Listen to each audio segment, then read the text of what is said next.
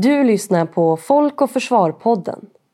Folk och Försvar bidrar till att Sveriges säkerhet ska vara hela folkets angelägenhet.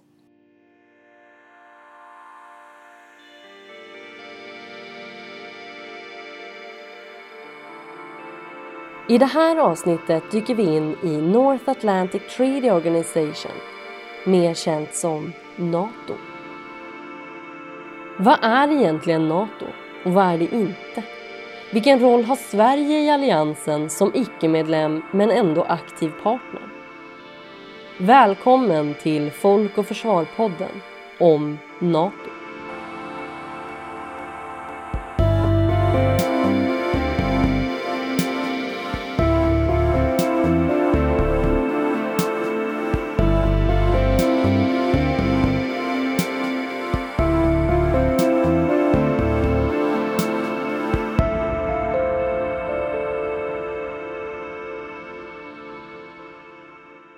Vi har träffat Axel Wernhoff, chef för Sveriges ständiga delegation vid NATO och frågat honom vad är egentligen NATO och varför grundades organisationen från första början? Ja, eh, alltså NATO är ju en eh, försvarsorganisation som, som bildades 1949 eh, som ett resultat kan man väl säga av det den uppdelning av Europa som uppstod efter andra världskriget, ganska snart efter andra världskriget, när den så kallade järnridån gick ner över Europa. Eh, och då eh, fanns ett behov av att eh, i, detta sargade, i denna sargade kontinent försvara den mot eventuell rysk aggression, det var det det handlade om. Där USA skulle vara garanten, det vill säga det var där styrkan och resurserna fanns i synnerhet. NATOs första generalsekreterare sa, lite raljerande kanske, men det ligger mycket sanning i det, att NATOs funktion var att hålla, hålla Ryssland ute, Tyskland nere, givet erfarenheterna från andra världskriget och 30-talet förstås, eh, och USA inne, det vill säga ett amerikanskt engagemang i Europa eftersom man ansåg i Europa att man skulle inte klara av en rysk aggression på egen hand. Eh, en del av de, tycker jag, grundläggande utgångspunkterna gäller ju fortfarande idag. I vissa sammanhang när NATO diskuteras kan man idag höra påståenden som att alliansen skulle ha en egen armé. Hur är det egentligen med det? Har NATO en egen armé? Nej, det finns ingen NATO-armé som förvaras i något förråd någonstans utan vad som eh, kan hända eh, med den här försvarsalliansen det är att om man åberopar den så kallade artikel 5 där medlemsstaterna, de som är med, lovar att hjälpa varandra i händelse av en konflikt, en aggression, då ska man agera som en.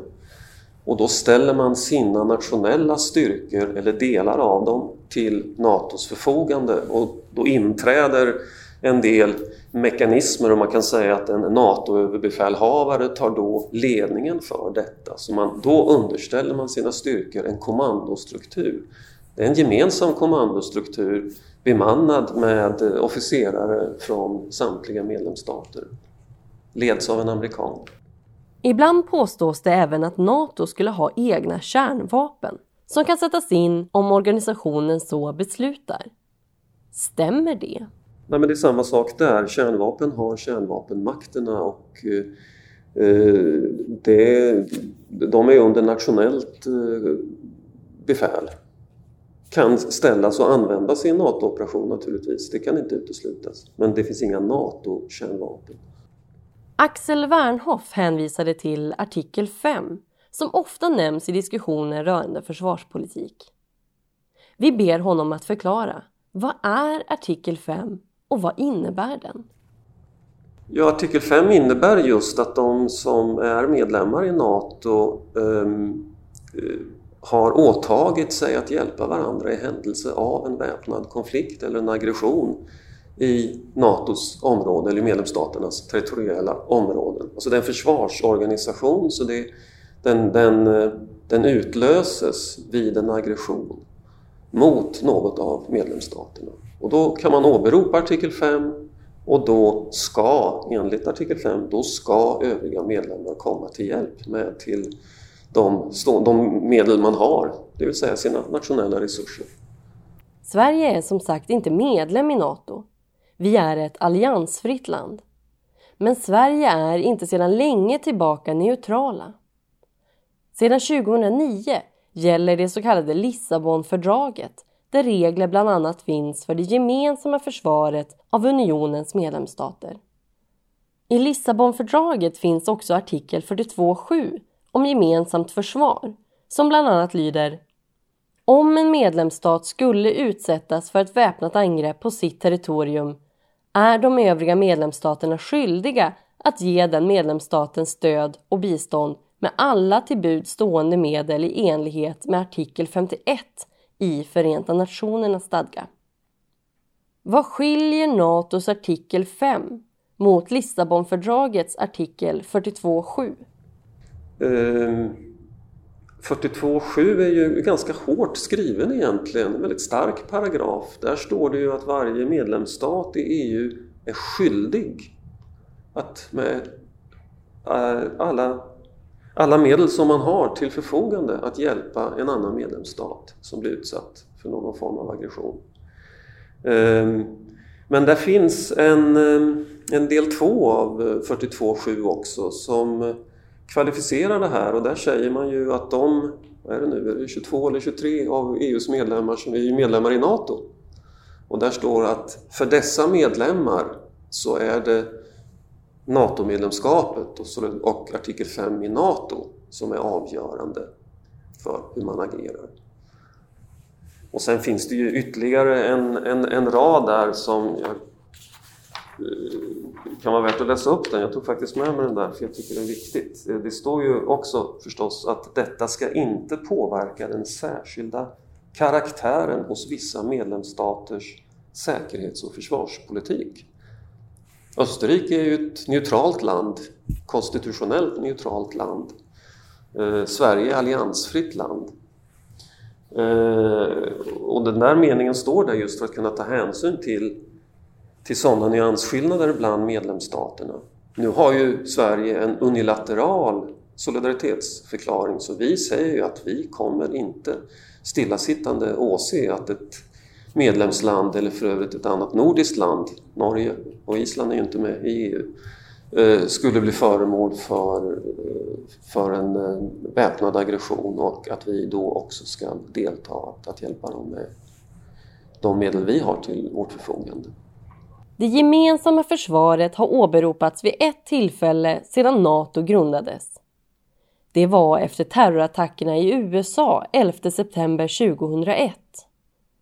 Men om ett medlemsland i Nato blivit attackerat men under omständigheter där det inte går att säga vem fienden egentligen är, kan då artikel 5 användas även om fienden är oklar?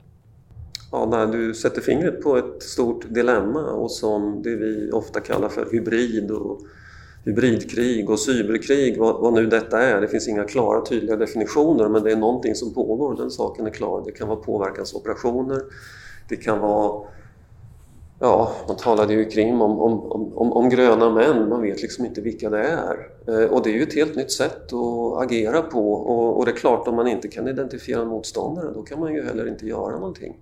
Eh, så att det skapar ju ett väldigt dilemma, det skapar osäkerheter och det skapar möjligheter att så att säga slänga damm i ögonen på eh, Eh, på någon som man inte vill ska kunna kanske reagera allt för snabbt. Eh, så att det här är ett helt nytt eh, spel som håller på att, att växa fram. Det, som, det, det, är svårt att bemöta. Det är ofta relativt billigt också att agera inom vilket gör att, jag menar, att bygga upp försvar kostar väldiga pengar och tar väldigt, väldigt lång tid. Det här är förhållandevis billiga sätt att skapa ja, oreda eller påverkan. Och det här är någonting som man pratar mycket om i NATO. Eh, man har ju sagt att även sådana attacker kan falla under artikel 5. Det behöver alltså inte vara en väpnad aggression. Men man måste ju kunna, det man säger, attribuera, det vill säga peka ut vem är det som gör denna attack.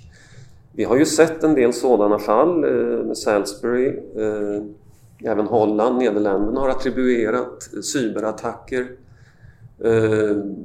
men även attribueringar kan naturligtvis också vara ett led i en cyber eller hybridattack så att här gäller det att hålla huvudet kallt och veta vad man gör.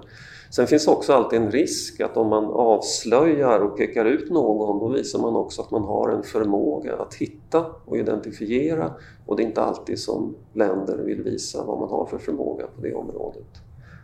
Eh, det här är djupt oroväckande och eh, det är väl ett uttryck för, eh, för den osäkerhet som råder idag mellan olika, framförallt stormakter och misstänksamhet som, som, som har byggts upp. Eh, men vi är i början på någonting, det är tror en formativ period. Olika länder och även NATO, även EU eh, försöker nu på olika sätt samla ihop sig när det gäller de här frågorna som cyber och hybrid och hur man ska kunna svara på det och hur man ska kunna försvara sig mot det.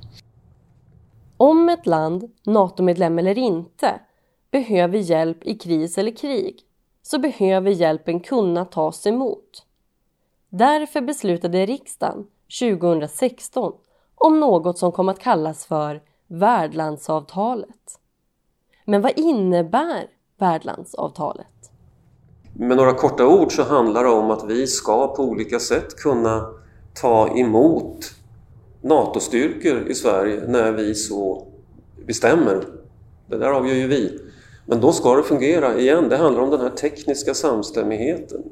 Om eh, NATO-materiel ska eh, forslas genom vårt land? Funkar det rent infrastrukturmässigt? Eh, passar igen sladdarna och kontakterna?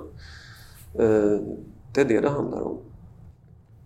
Vi kan konstatera att Sverige idag har en långtgående relation med Nato. Vi är aktiva i många övningar, har en ständig delegation i Natos högkvarter och utbyter viss information. Vi är en så kallad Enhanced Opportunity Member vilket ger oss fler fördelar av Nato jämfört med de flesta andra samarbetsländerna. Men vilken roll fyller då Sverige som det är idag i Nato? Ja, vi har ju en kunskap om vårt närområde förstås som är, stor och djup. Den delar vi med våra nordiska vänner eh, och grannar. Vi har eh, en god koll på vad som händer i Östersjön. Det är viktigt för Nato. Vi har en god kunskap om Ryssland som vi delger och diskuterar och det är också av värde för NATO. Och det är av värde för NATO att se att vi också kan vara med på de här övningarna eh, och att vi är beredda att ta det ansvaret som vi alla hoppas inte ska behöva inträffa förstås, men, men att vi då ändå kan agera tillsammans. Och det är värdefullt för NATO. Sverige har sedan länge varit en aktiv deltagare i NATOs verksamhet inte minst i de övningar som alliansen bedriver. Sedan 2014 är Sverige en Enhanced Opportunity Member vilket innebär att Sveriges relation till NATO är långtgående men inte lika långtgående som för ett medlemsland. Sverige omfattas inte av det kollektiva försvaret.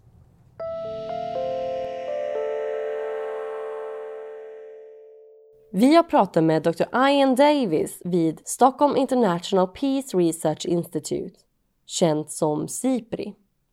Han är expert på NATO och vi diskuterade bland annat hur relationerna ser ut inom NATO mellan två nyckelmedlemmar, men också hur djupt samarbetet kan bli utan att Sverige ansöker om medlemskap i alliansen.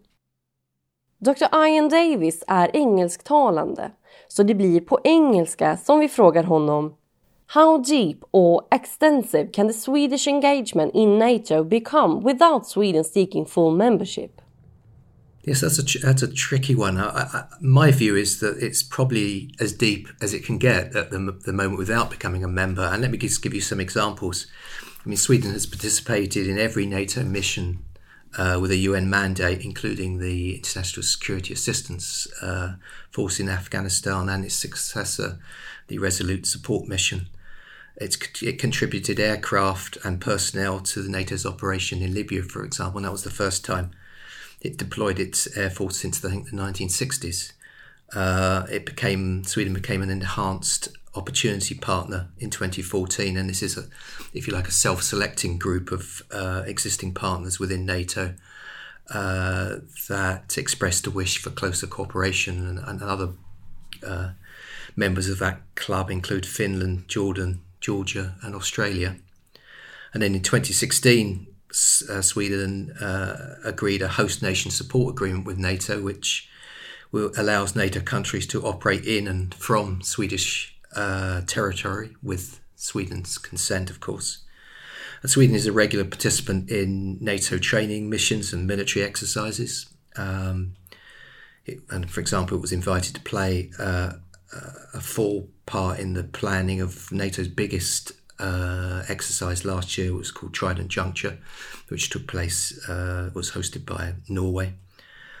Um, Sweden is regularly involved in consultations within NATO on the security environment in the in the Baltic Sea, uh, how to respond in various other kind of crisis contingencies, and now over time, Sweden's also been involved in many of NATO meetings and, and summits, you know, and, and the margins of those summits. So Sweden play without being an actual member of NATO plays a full um, part in the organisation. You could even argue it has a bigger impact in NATO than some of the NATO member states themselves, and certainly at, the, at, at that at the same kind of equivalent size of organisation. So, what Sweden doesn't get at the moment from not being a full member, of course, is the full Article 5 protection um, and full access to, the to, to, the North Atlantic Council, which is NATO's uh, main decision making body, and also access to the NATO defence planning process, although it's, it, is involved uh, in, in part with it. Um, I think Sweden and, uh, and Finland, for that matter, uh, which also is a member of NATO, have been told that a NATO response is not guaranteed if, if it were to be attacked. Uh, but if either were to request assistance, the request would be treated seriously. And I mean, my personal view is that it's hard to conceive that, that, that NATO member states or, of course, the EU would not come to the assistance of either Sweden or Finland if it was attacked. But that that kind of Article Five guarantee is, is not there. So the choice face choices facing Sweden are really threefold. I mean, one is to is to go ahead and seek membership. Um, the other is to, to maintain the kind of status quo uh, of close close cooperation without becoming a member. And the third option is really maybe to take a step back uh, and to have a more arm's length uh, relationship with the alliance. And I, I guess the the politics within Sweden suggests it's it's the middle position that that holds sway and, and will continue. So Sweden already have an extensive cooperation with the alliance.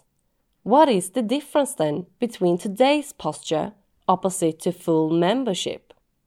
What would a Swedish application for membership mean for Sweden's national security?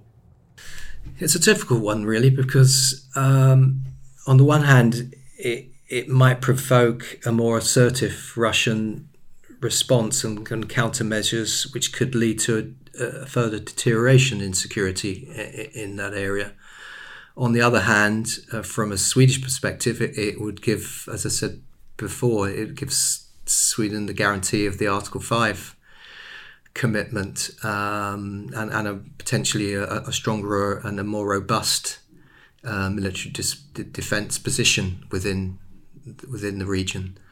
Um, it also raises implications of, of how you know, NATO doesn't have its own nuclear weapons, but it's part of a, na- a nuclear deterrence uh, posture, and some uh, most NATO member states are involved through nuclear planning group within NATO on on the planning of how that nuclear deterrence role operates. And of course, at, at a, there are some, or currently five NATO member states actually host U.S. nuclear weapons on their countries. So that, that for a country like Sweden, which has has had a strong commitment to uh, nuclear arms control and nuclear disarmament in the past, that kind of level uh, of commitment within NATO could be problematic, although it could step, you know, as a NATO member, it could step outside of the nuclear planning role, and and, and a number of NATO member states have have, have done that in the past. Um, so it, it, you know it, it, raises as all these decisions do. There is a, there's a kind of it's on the one hand you have a, a number of benefits, and then you have a number of potential areas of concern. And the other one I've already mentioned is the need to increase defence spending within Sweden.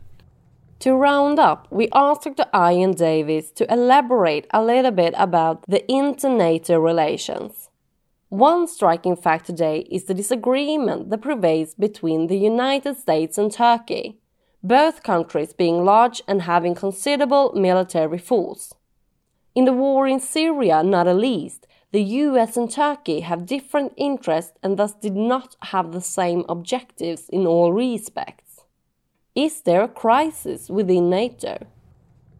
There are lots of things to say about this, really. Um, I mean, Turkey uh, and, for that matter, Canada often get left out of the discussions about NATO because often the focus is on the EU or the European NATO members against the United States and you know, the, the, the, various interests of that of those two components of NATO. So Turkey is a very important member uh, the second thing to say is that NATO has a long uh, history uh, of being in so-called crisis or being a, a, a, crossroads. You know, there's there's been so many uh, problems that it's had to sort out over its 70-year history, uh, but it also but it always seems to endure. I mean, just for example, during the Cold War, we had the Suez Crisis. We had differences of opinion over uh, Vietnam War, uh, Ronald Reagan's uh, deployment of cruise and parachute missiles in the 1980s was a hugely a controversial issue within European NATO. In the post Cold War world, there's been ruptures over things like the Balkans Wars, uh, the airstrikes against Serbia uh, without a UN mandate. And probably the most serious crisis in NATO's history was the 2003 intervention in Iraq, you know, led by the UK and the US, which caused serious eruptions in uh, particularly in Germany and France. Um, and the intervention in, in, Libya in 2011, and even Afghanistan. It's you know there are all, all, these things have caused ruptions within the alliance. Um, so the current disagreement between the US and uh, and Turkey over Syria has to be in, understood in that context of a kind of history of disagreements within the alliance and also in, in the context that you know the Middle East is a region that's steeped in security dilemmas at the moment. There's all sorts of you know beyond the, the war in Syria, you you have Saudi Iranian, U.S. Iranian rivalries. You have the Israeli Palestinian conflict that's reigniting, uh, and a whole range. You know, the, the conflict in Yemen, and, and then a whole range of various in, international actors from outside the, the Middle East, including other NATO member states like France and the UK, uh, and obviously Russia's involved in, in, in Syria as well. Um, so in, all this, NATO is really on the periphery of what's going on in, in the Middle East. It, it's it's it's got a training mission which is being led by the Canadians at the moment in Iraq, but that's kind of it. So the U.S. Turkey divisions have to be seen as kind of something slightly outside of Turkey. But obviously, these discussions, when ambassadors meet, when the foreign ministers meet at NATO, when the defence ministers meet, these issues obviously are going to be difficult ones to resolve uh, when they, when they meet.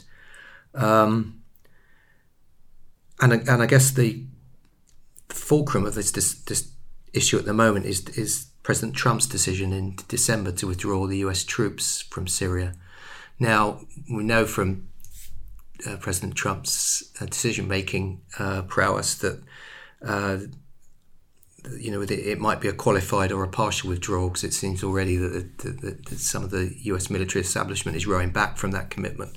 But I guess the if the US does withdraw its forces, it changes the, the delicate balance of the military forces in the region and it increases the potential for uh, an increased for, or a further conflict involving Turkey, Turkey's own Syrian allies, uh, the Syrian Kurds, which have been allied with the US, and uh, Assad regime's forces. So it's you know it's a complex picture of which these two NATO member states don't see eye to eye at the moment.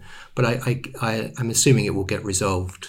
Um, but it has the potential for dragging NATO further in, into the, the region again.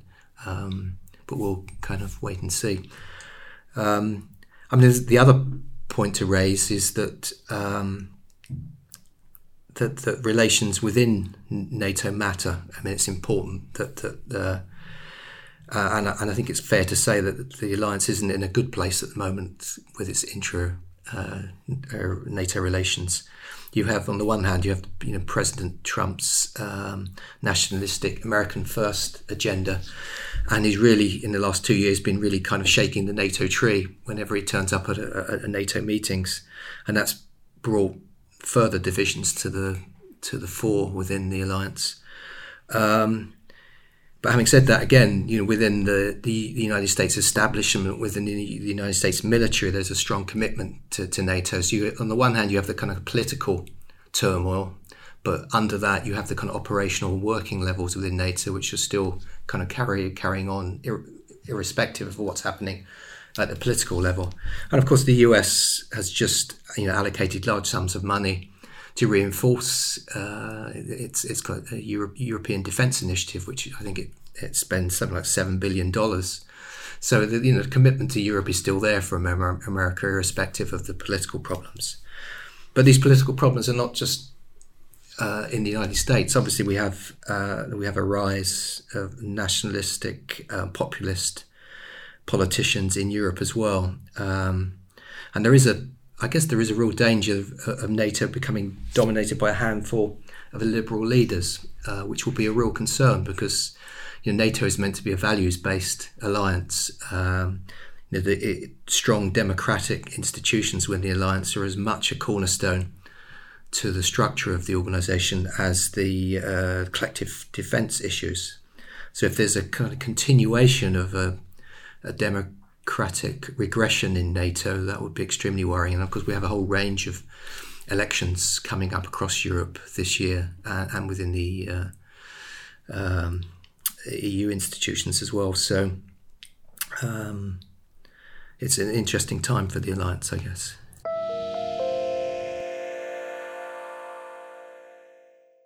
Du har hört Folk och Försvar-podden om NATO. Medverkade gjorde Axel Wernhoff och Dr. Ian Davis. Podden är skapad av David Brun och Maja Jonsson från Folk och Försvar.